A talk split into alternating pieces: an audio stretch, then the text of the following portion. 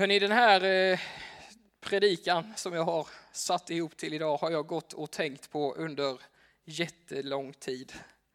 Eh, och det har aldrig riktigt känts redo. Okej, okay, okej okay har det väl känts, men inte riktigt redo. Men så de senaste månaderna med tanke på allt som har varit så har jag känt att jo men nu är det nog, kanske, vi får se, kanske redo. Och jag eh, har ryggat för ämnet därför att det är eh, ett svårt ämne. Jag ska prata om lidande. Och när man pratar om lidande så är det så lätt att orden bara faller platt. Att det inte, vad gör vi inför lidandet? Liksom. Vi är bara människor. Och, men med tanke på hur det har varit, corona har ju minst sagt tagit världen med storm. Liksom. Och jag har haft tid att tänka på detta. Eh, ingen människa i hela världen har gått opåverkad genom det som vi just nu upplever. Människor lider mer eller mindre på olika sätt och människor som, som, som, som led innan lider liksom ännu mer under den här tiden. Och det har fått mig att fundera ett extra varv runt detta kring lidande. Och vad är egentligen en kristen respons på det, på lidandet? Finns det en sån respons, en kristen respons? Och jag vill under några söndagar framöver hitta en möjlig väg genom lidandet som vi kan uppleva som människor. Och som människa så ställs vi inför många frågor när vi drabbas av lidande. Och det frustrerande, eller det frustrerande är att vi många gånger så förstår vi inte lidandet. Vi kan liksom inte greppa det, vi fattar inte det. Vi kanske vänder oss till Bibeln för att försöka förstå varför saker och ting händer. Varför drabbas jag av de här hemska sakerna? Och Bibeln kan ge oss vissa svar. Det finns några saker som den säger och några saker som den inte säger när det kommer till lidande. Och vi kanske säger så här, det här, det, har, det som händer nu, det har Gud sänt för att jag ska lära mig någonting. Vi skulle kunna säga så. Eh, men Bibeln säger att det inte är sant. Gud, han sänder inte lidande över människor.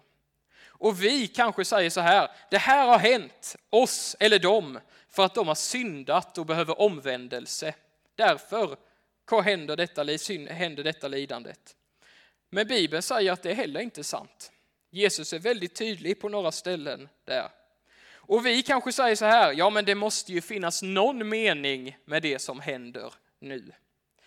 Men så är det inte heller många gånger. Det finns ingen mening med lidandet.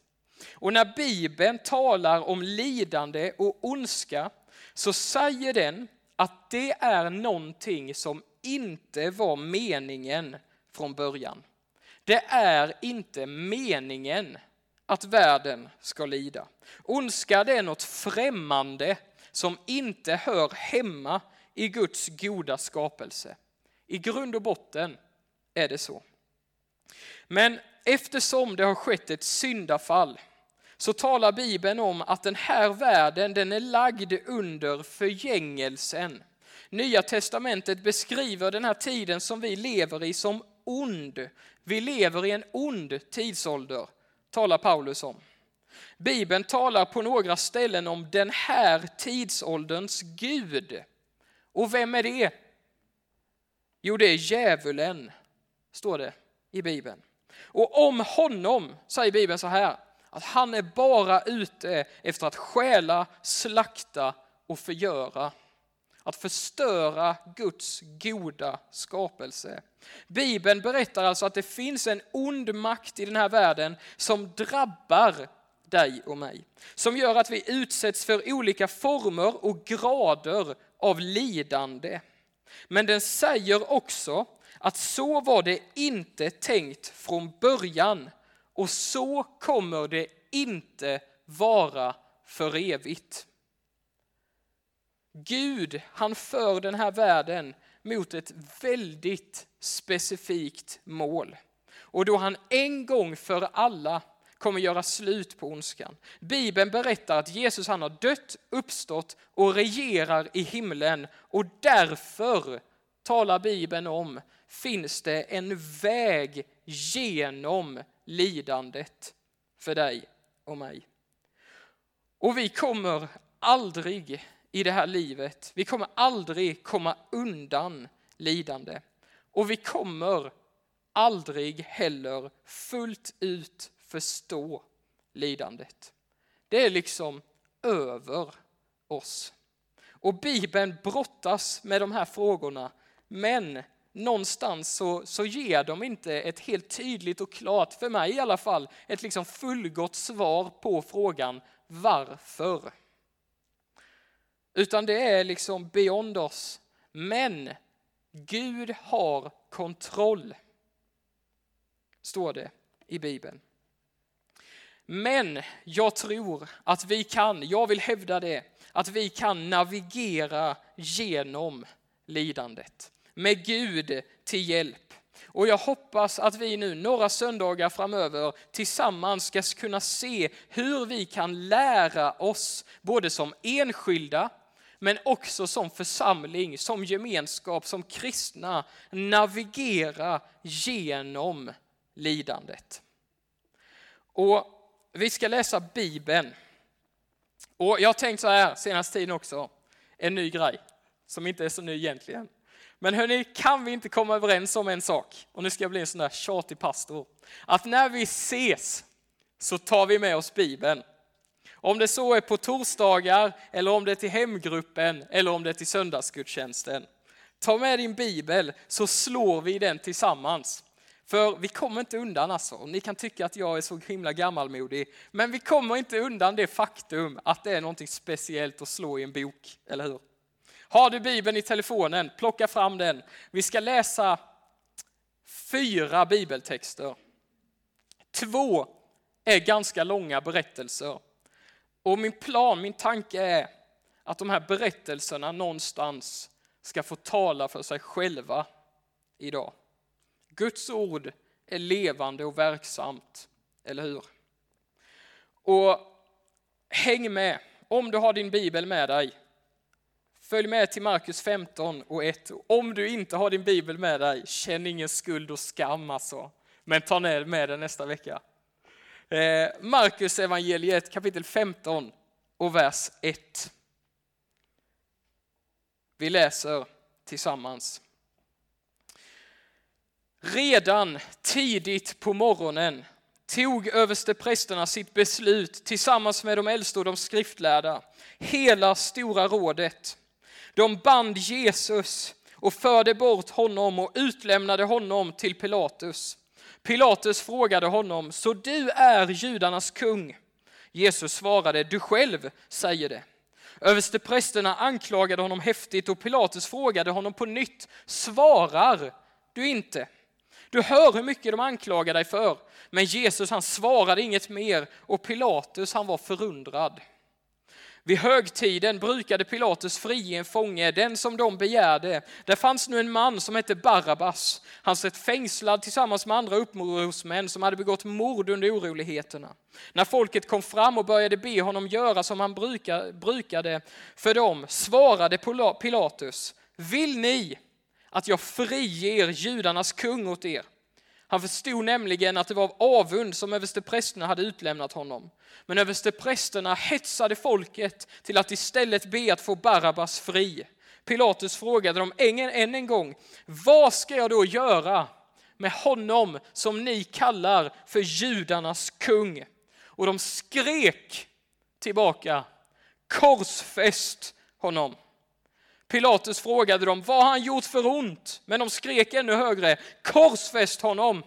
Och eftersom Pilatus ville göra folket till viljes släppte han Barabbas och lät gissla Jesus och utlämnade honom sen till att korsfästas. Soldaterna förde in Jesus på gården, det vill säga pretoriet och sammankallade hela vaktstyrkan. De klädde honom i en purpurmantel, vred ihop en törnekrona, satt den på honom. Sen började de hälsa honom. Leve judarnas kung! De slog honom i huvudet med en käpp, spottade på honom, böjde knä och tillbad honom. Och när de hade hånat honom tog de av honom purpurmanteln, klädde honom i hans egen klädnad, sen förde de ut honom för att korsfästas. De hejdade en man som just kom in från landet, Simon från Kyrene, far till Alexander och Rufus. Honom tvingade de att bära Jesu kors. De förde Jesus till platsen som kallas Golgata, som betyder dödskalleplatsen. De försökte ge honom vin blandat med myrra, men han tog inte emot det. Och de korsfäste honom och delade hans kläder mellan sig genom att kasta lott om vad var och en skulle få. Det var vid tredje timmen som de korsfäste honom. På anslaget med anklagelsen mot honom stod det skrivet judarnas kung. Tillsammans med honom korsfäste de två rövare, den ene på hans högra sida, den andra på hans vänstra. De som gick förbi hånade honom, skakade på huvudet och sa Ha! Du som river ner templet, bygger upp det på tre dagar, rädda dig själv och kom ner från korset. På samma sätt förlöjligade översteprästerna och de skriftlärda honom och sa till varandra, andra har han räddat, men sig själv kan han inte rädda. Han är Messias, Israels kung. Nu får han komma ner från korset så att vi får se det och tro. Också de som var korsfästa tillsammans med honom hånade honom. Och vid sjätte timmen kom ett mörker över hela landet som varade fram till nionde timmen. Vid nionde timmen ropade Jesus med hög röst. Min Gud, min Gud, varför har du övergivit mig? Några av dem som stod där runt omkring och hörde det sa, hör, han ropar på Elia. En av dem sprang, fyllde en svamp med ättikvin, fäste den runt en käpp, gav honom att dricka och sa, vänta så får vi se om Elia kommer och plockar ner honom. Men Jesus ropade med hög röst och gav sen upp andan. Då brast förhänget i templet i två delar, uppifrån och ända ner. När officeren som stod framför honom såg att han gav upp andan på det sättet sa han, den mannen var verkligen Guds son. Hebreerbrevet kapitel 2 och vers 14 till 18. Hebreerbrevet 2 och vers 14. När nu barnen hade fått del av kött och blod tog han själv på liknande sätt del av detta för att genom sin död göra den maktlös som hade makt över döden, alltså djävulen, och befria alla dem som av rädsla för döden levt i slaveri hela sitt liv. Därför måste han bli lik sina bröder i allt för att bli en barmhärtig och trogen överstepräst inför Gud och sona folkets synder. Genom att han själv har fått lida och blivit frestad kan han hjälpa dem som frestas. Daniels bok kapitel 3 och vers 8. Daniels bok i Gamla Testamentet 3 och 8. Men strax därefter kom några kaldeiska män fram och anklagade judarna. De tog till orda och sa till kung Nebukadnessar, må kungen leva för evigt. Kungen har befallt att alla människor ska falla ner och tillbe den gyllene statyn när de hör ljudet av horn, pipa, sittra, lyra, harpa, säckpipa och alla slags instrument. Och att var och en som inte faller ner och tillber ska kastas i den brinnande ugnen. Men nu finns här några judiska män, Sadrak, Mesak och Abednego, som du har satt att förvalta Babels provins. Dessa män sätter sig över ditt påbud och kung. De dyrkar inte dina gudar. De tillber inte den gyllene statyn som du har ställt upp.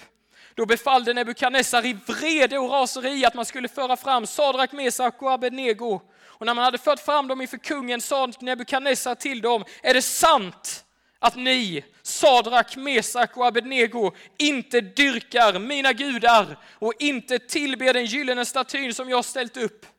Om ni nu faller ner och tillber statyn som jag har gjort när ni hör ljudet av hornpipa, sittra, lyra, harpa, säckpipa och alla slags instrument så är allt väl. Men om ni inte tillber ska ni i samma stund kastas i den brinnande ugnen. Och vilken Gud kan då rädda er från mina händer? Då svarade Sadrak, Mesak och Abednego kungen, O Nebukadnessar, vi behöver inte svara dig på detta. Det är lite nosigt, eller hur? Världens mäktigaste man.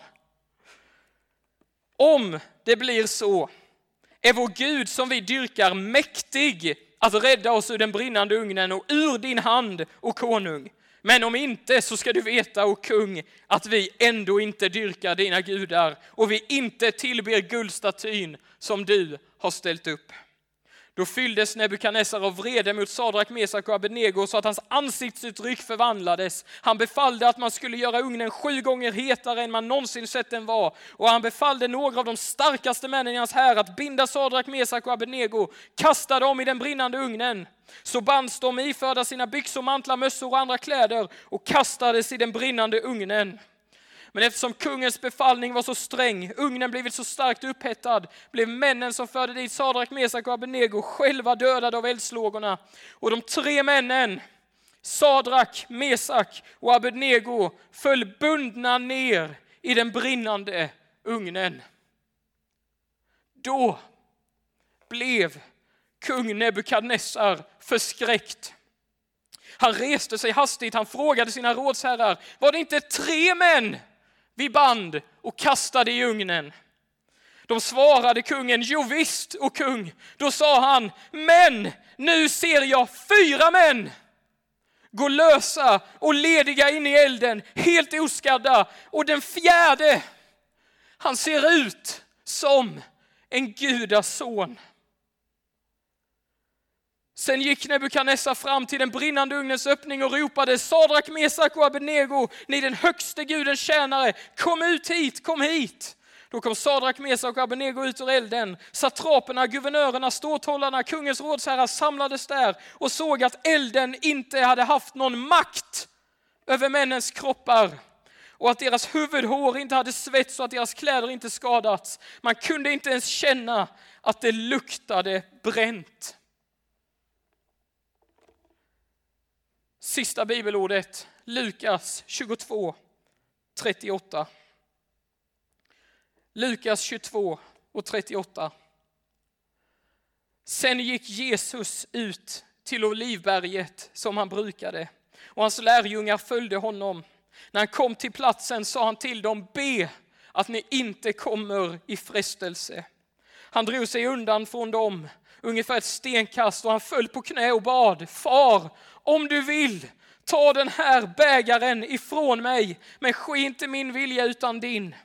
Då visade sig en ängel från honom, för honom och gav honom kraft. Han kom i svår ångest och bad allt ivrigare och hans svett blev som blodsdroppar som föll på jorden. När han reste sig från bönen och kom till lärjungarna fann han att de hade somnat av sorg. Då sa han till dem, varför sover ni?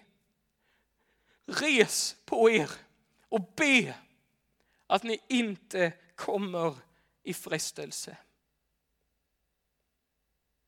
Genom att han själv har fått lida och blivit frestad kan han hjälpa dem som frestas. Det finns en sång som jag har levt med i några månader och det finns några textrader i den som går så här. There was another in the fire standing next to me. There was another in the waters holding back the seas. And should I ever need reminding of how I've been set free, there is a cross that bears that burden where another died for me. Grovt översatt säger den, det fanns en annan med mig i elden bredvid mig. Det fanns någon i vattnet som höll tillbaka havet. Och skulle jag behöva bli påmind så finns det ett kors som bär min börda där någon annan dog för mig. Om vi vill navigera i lidandet, om vi vill hitta en väg genom det, så måste vi närma oss Jesus. Vi behöver böja oss under Jesus och inte tillbe några andra gudar. Därför att vi tillhör och bekänner oss till en Gud med sår. Han är ärrad. Gud är ärrad. Han är inte oberörd av lidandet. Han har själv gått igenom lidandet. Gud, vår Gud, han har dött.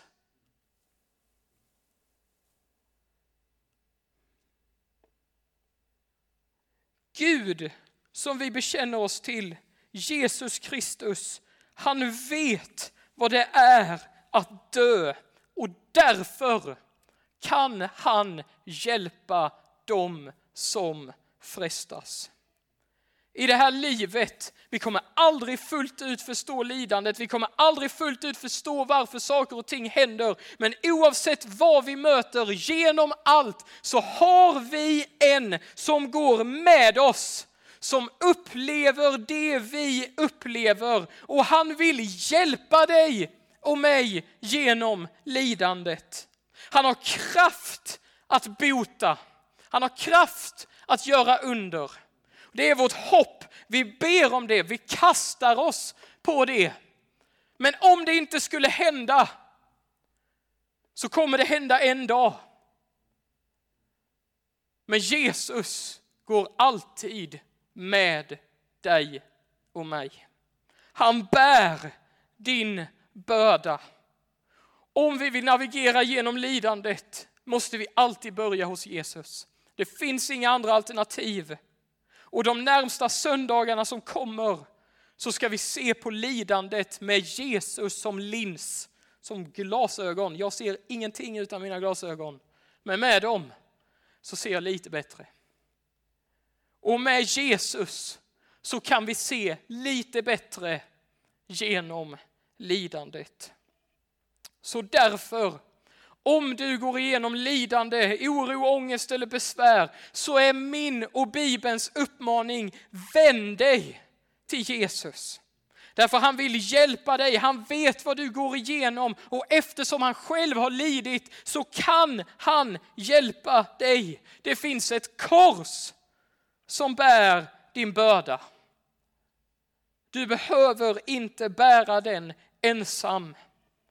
Så vänd dig därför till honom. Be till honom. Prata med honom om din nöd och ditt lidande. Be till honom om ett helande, om hjälp, om frid. Sitt ner med honom och var i hans närvaro. Starten av vår resa genom lidandet börjar alltid hos Jesus och i hans närvaro. Därför han vet vad du går igenom. Vi kommer komma senare, om ett par söndagar, till uppståndelsen. Till dens verklighet, till att Jesus han lever, att han är Herre och han sitter på tronen. Och vi kommer prata om vad det har för betydelse för oss idag. Men första steget på om vi vill förstå och kunna navigera i lidandet så måste vi börja i Jesu närvaro. I bönen, i bibelläsningen. I Hebreerbrevet 12 säger så här, att Jesus han är trons upphovsman och fullkomnare. Låt oss se på honom, annars tröttnar vi och tappar modet. Om du går igenom lidande, vänd dig till Jesus. Ta kontakt med någon som du har förtroende för. Gör inte resan ensam. Be tillsammans med någon. Isolera dig inte, stå inte själv. Det är ingen skam i att be om hjälp. Precis som Lars sa i början. Att be om hjälp är ett tecken på styrka. Så när vi några söndagar nu framöver ska prata om en kristen respons på lidandet så börjar vi hos Jesus. Det måste börja där, för han vet vad du går igenom. Han vet vad du lider igenom. Det finns ett kors som bär din börda. Ta med din börda till Jesus. Därför att han kan och han vill hjälpa dig. Där börjar vår resa genom lidandet. Och vi ska be tillsammans. Och kanske bär du någonting som vi andra inte kan föreställa oss. Men Jesus kan det. Jesus han kan det. Och han vill hjälpa dig.